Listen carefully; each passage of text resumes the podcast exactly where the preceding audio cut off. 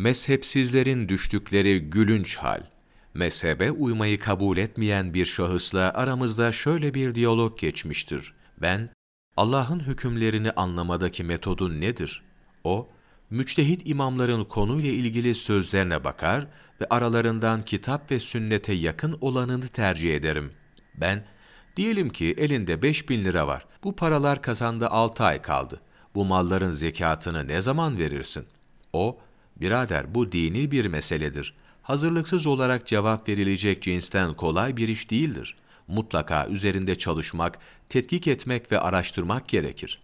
Ben, pekala, Müslümanların, müçtehit imamların serd ettiği delillere başvurarak, bunlardan kitap ve sünnete en uygun olanını tercih etmeleri gerekmez mi?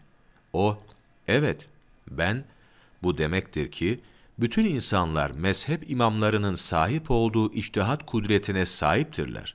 Hatta bunlar daha büyük ve daha mükemmel bir güç ve kudrete sahiptirler.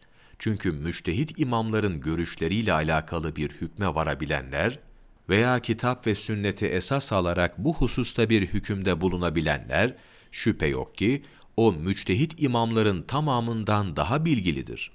Mezhebi kabul etmeyen insanlar, Müslümanların müçtehit imamlardan herhangi birini taklit ederek helal ve haramla ilgili hükümleri öğrenebileceği bu kitaplardan uzaklaştırmak suretiyle içtihat etmek ve şer'i delilleri araştırmak ve incelemekle yükümlü tuttuğunuz zaman bu Müslümanlara açıkça şöyle demiş olursunuz.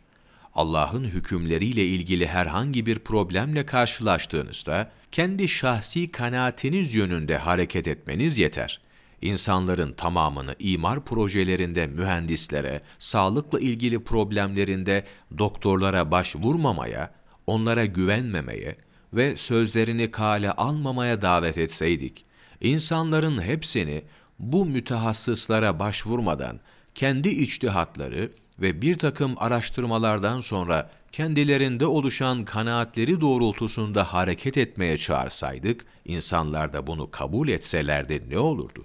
Her şey alt üst olur, kargaşa meydana gelir, insanlar evleri yapacağım derken yıkarlar, doktorluğa hevesleneceğim derken kendi canlarından olurlardı. Uzmanlık gerektiren dünyevi konularda bu haller oluşursa, bunlardan daha hassas ve ciddi olan dini hükümlerde nasıl bir durum ortaya çıkacağını anlamak zor değildir. Said Ramazan el-Buti, Mezhepsizlik bid'attir. Sayfa 131-132 17 Ocak Mevlana takvimi